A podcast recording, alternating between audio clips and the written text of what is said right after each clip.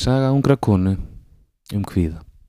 Ég var tiltölulega heilbrið ung kona rétti við tvítugt þegar ég heimsótti gamla læknin fyrst. Ég hafði eins og flesta ungar konun út í dags mikið að gera. Einstað móðir í kvöldskóla vann tvær fastar vinnur og eina í lausamennsku. Sangamislífið var fyrugt, líkamsrækta prógrami stíft og kröfurna til sjálfra mín og heyrilegar. En þannig var það að vera því ég ætlaði nálánt. Þennan vetur var það samt eiginlega orði meira en ég reyði við með góða móti. Ég rætti þetta við vinkonu mína sem var alltaf var svo hress og hún sæði mér lindamáli sitt. Hún hafði fengið þessa pillur í lækninum og ekki nómið það að hún hafði endalessu orku en að langaði ekki einu sinni í súkulega eða aðra óvinni útlýttisins.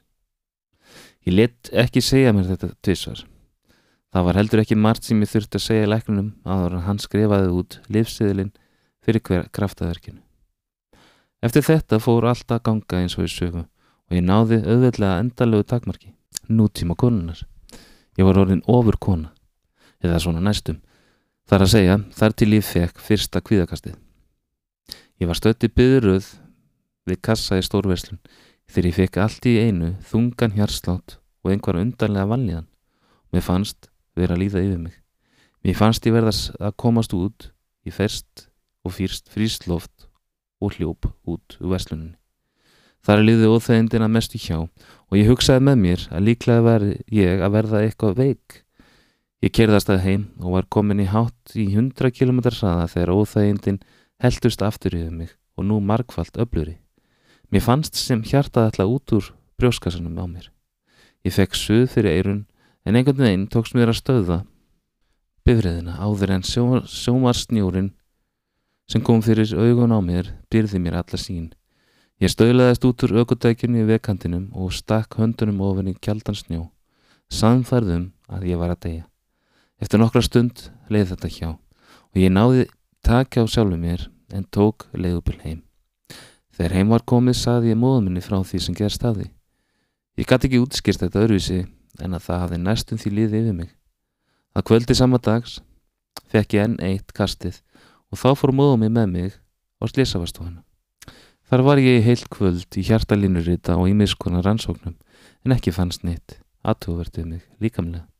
Ég var reyndars spurða því hvort ég hafi nýlega orðið fyrir einhverju áfalli en sem fyrst svo var ekki, virtist engum dætt í hug að þetta geti verið andlegs eðlis. Ekki einu sinni þótt ég segði frá því að ég tæki þunglindirslið. Næsta dag fór ég að heita gamla leknin. Hann tók þessu létt og saði mig fyrst þá að lifið sem ég tæki gæti haft ymsar aukaverkanir meðal annars aukin hjarslott. Hann mingaði við með lífjaskamtin og gaf mér róandi töflur. Það skilnaði klappaði mér svo föðulega á aukslina og sagði mér að ég hefði líklega orð bara orðið hrætt, að ég skildi taka því rólega á næstunni og fá mér göng út úr daglega. Eftir þetta leiði mér í nokkra mánuði. Ég hætti fljótlega að taka lifið og það vertist ekki koma sög.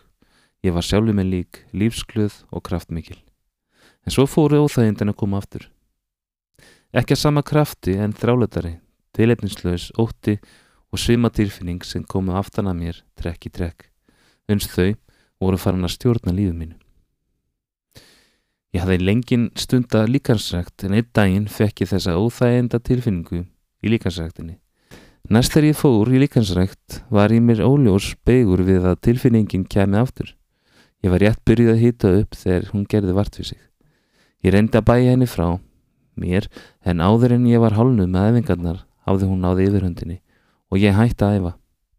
Samferðum að það liði við mig ef ég heldi áfram. Eftir þetta fann ég mér stöðar afsökanið fyrir því að fara ekki að æfa. Ég gæti ekki nefnt þessa tilfinningu neitt því ég hafði ekki upplifað hann áður. Öðvitað hafði ég einhver tíman orðið hrætt en það var eðlulegur ótti sem beintist að einhverju, utanakomandi. Það eina sem ég vissi núna var að ég var skelvingu lostin yfir einhverju sem var að gerast í líkam mínum og ég vissi ekki hvað það var. Ég ákvaða að hætta að reykja en ég vonum að ég erði helsu fraustari. Það virtist þó fremur gera ástandi verra. Tilfinningi held áfram að sækja á mig. Ég misti lönguna til að vera innan um fólk því ég ótaðist að tilfinningi myndi hellast yfir mig. Á þessum tíma var ég nýbyrjuð að vinna á kaffihúsi í miðbænum. Það hafði alltaf reynst mér auðvelt að spjalla við ókunnaga en nú fór það að vera sífullt erfiðara eða þar til ég þurfti orðið að beita mig hörðu til að ganga fram í salin og taka einfölda pöntun. Ég vissi ekki hvað var eiginlega að gerast um mig og þótt ég ætti góða trúnaði vinni átti, er, átti ég erfitt með að færa þessa líðan mína í tal. Ég gæti eiginlega ekki skýrt frá því hvað væri að. Ég var sífælt þunglindar yfir þessu öllu saman, lokaði mig af og fór að sofa meira hluta sólarinsins í vonum að vakna sjálfur mig lík. Það gerðist ekki, heldur ágerðist vanlíðaninn enn. Ég vissi ekki lengur hvort mér fannst verra að vera einn eða einunum fólk. Það var eins og ég hafi mist allt sjálfstrust í samskipti við ókunnuga. Og þegar ég var einn liði ég í stöðugum óta við að tilfinningin tæki yfir. Að ég myndi missa meðvutund, deyja eða eitthvað annað sem ég vissi ekki lengur hvað var. Á endanum var það svo góður vinnur sem áttaði sig á því að eitthvað mikið var að og ég yrði að leita mér hjálpar. En á ný fór ég til læknisins gamla. Ekki gafa mér neina skýring á því það sem er hjáði mig, en listi mig út með róandi lif og saði að þetta myndi líða hjá. Ég fylgti spjart sinni, tók lifin og beigð, en líðan mín breytist ekkert og þá var ég hrætt alveg ofsalega hrætt. Ég settist niður með föðuminnum sem hafði átt við geðrana verfileika að stríða og sagði hann nákvæmlega frá líðan minni. Þá komst ég að því að þetta var af svipuðum toga og þau veikindi sem hann og amma mín hefði átt við eitthja. Ég vissi að föðuminin leið mjög oft illa og amma mín hafði lagst í rúmið á þríturshandri og leigið þar í halva öld utan nokkra vikur ári þegar hún laðist inn á geðdelt og fekk rálost. Við þessa uppgötun brotnaði ég endilega saman. Ég var búin að tapa andlir í helsuminni, persónuleika minn var gjörbreyttur og mér fannst en líf mitt er því aldrei samt. Ég treysti mér ekki til að fara í vinnuna þetta kvöld Það liði margi mánuði þar til ég varð vinnufar á ný. Svo tími sem nú tók við er svo allra skelvilegasta sem ég hef lifað og ég held satt að segja að það geti ekki margt verið erfiðana en að tapa andlir í hilsu sinni. Í nokkra daga var ég algjörlega stjörf á vota. Mér fannst ég vera styrlast. Ég hef stundum veltið fyrir mér hvort óttið við það að styrlast geti ekki verið verri en raunveruleg styrlun. Óttin er læfís og ótröngnulegur anstæðingur. Þegar hann er völdum, þá tapar maður. Sinni eigin domgrind. Í skelvingu minni leitaði ég til gungudeldar, geðdeldar og komst að því að hugssjúkt fólk er ekki tekið sérlega alvarlega þar. Ég hafði haldið að það væri hlutverk lækna og hjókunarfræðinga að veita mannisku sem er komið með sjúkdóm, sem hún veit lítið sem ekkert um, einhverja fræðslu um hugsanlegar orsaki sjúkdómsins enginni hans og hegðun, leiði til lekningar sem og batahorfur. Ég gráðbað um þessa upplýsingar en fekk engin svar. Ég fekk að tala við geðhjókrunafræðing sem horfiði og hlustaði á mig eins og ég var í barn og saðið mér svo að þetta væri allt í lagi. Þó ég verið hrætt þá myndi ég ekki deyja. Deyja? Mér fannst ég verið að betur komin döð inn í þessu ástandi. Döðin hefði verið kærkomin löst Það sem ég ótaðist var að ég var að styrtlast. Ég svaf meir en halvan sólaringin. Öskrendi í svefninu með stuðaða martræðir sem þó voru aldrei verri en svo martruð sem ég vaknaði upp til. Ég gæti ekki lengur hugsa svo mikið sem einar rökreita hugsun því höfði mér ríkti stöðug ringurreið. Ég var algjörlega búin að missa tökinn á óttonum og ég horfði ofan í hildýpi slíkra vanlíðinar að ég gæti fyrsta skipti skilið hvernig sjánsvig gæti verið nokkuru mannesku kærkomin laust. Það óreyndu hafði ég aldrei trúa því að það veri hægt að líða svona illa. Ég held ég að vera náð botni vanlíðunar minnar þennan dag er ég bað barsföðu minn að taka forræða yfir drengnum mínum. Há hann reyðubúin til þess enda auðljóst að ég var ekki í neinu standi til að hugsa um barn. Þennan dag var einsæðið mér lífsbjörg. Einhvers það er í frávita huga mínum skaut upp þeirri hugsun að þetta væri uppafið að uppgjöf. Ég var orðin samfarið að sjálfa mig fengi ég aldrei aftur og nú ætla ég að koma barninu mínu í örgar hendur á því en leiði mér að detta ofan í hildýpið. Það var þá sem ég vissi að ég erði að berast sjálf. Ég lagðist á hnén og baði algóðan Guð að hjálpa mér. Einhvers staðar frá fekk ég styrkin. Baráttan var fálmkjent í fyrstu og ég gafst oft upp á dag.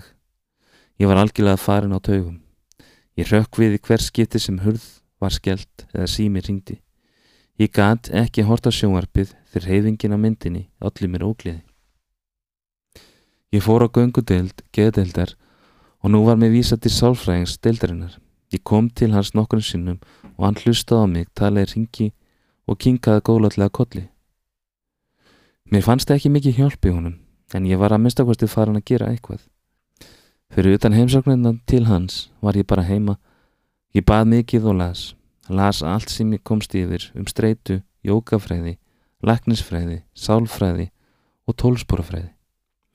Ég egnaðist uppáhaldskapla í sumum bókunum sem ég las aftur og aftur þegar óttinn og ringur reyðin ásáttu mig. Ég las trúabröðafræði og sóti styrk jamt í bútjaska kyrjun og kristna bænir. Ég las mér að segja Norma Vincent Pale spjaldan um milli og lést síðabreitekanir hans ekki farið tögutan á mér.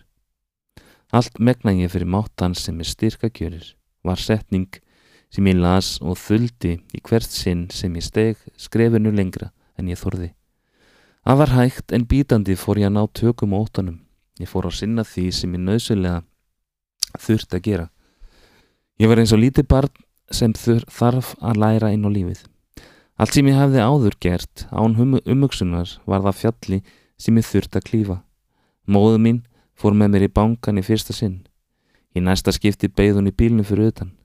Dægi sem við fór eini fyrsta skipti var stór dagur Það var um það byrjil 40 minna ferð að ganga í bankan, sinna erindinu og ganga aftur tilbaka. Allan tíman þuldi ég hvetningar orði mín. Þegar hugurinn fór að kyrrast fór ég smám saman að finna hvernig hver einastan jákvæð hugsun veitti mér styrk en hverin eikvæð dró úr honum. Þegar ég var farin að geta farið ferða minna einn var mikill föllun aflétt. Ég fór að fara daglega á tólsporafundi, gekk klukkutíma leið fram og tilbaka. Fyrstu fundirni voru nánast óbærilegir og það leið tölurverið tími þar til ég hætti að sitja við hurðina tilbúin að hlaupa út en það var bannað að gefast upp. Ég gróð upp undislega konu sem gaf mér slökunanutt og heilun. Heilun eða pólun, hvaða nafni sem það kallaðist, ég þáði allra heima hjálp. Þegar ég var loksins farin að hugsa raugrétt fór ég að leita skýringa. Besti útskýringarna á kvíðaferlinu fekk ég hjá jógakennara sem var sjálfur fyrirvændi kvíðasökulingur. Hann gendi mig líka leið að kljást við óttakvöstin. Það var nokkið flókjum, bara að draga andan rétt. Það hafði verið gaglegt að fá þessar upplýsingar og allar hína sem ég hef síðan fundið strax í byrjun, en betra er seint en aldrei. Með tímanum fór ég að geta að lifa eðlulega lífi aftur. Ég lærði að sigra óttan og ég uppvitaði hugrekkið. Hugrekki er ekki það sama og vera órættur. Hugrekki er það að gera hlutina þó að maður sé hrettur. Með jákvæðara hugafæru og aukinni lífsgleði fór ég líka að geta hleiða óttanum.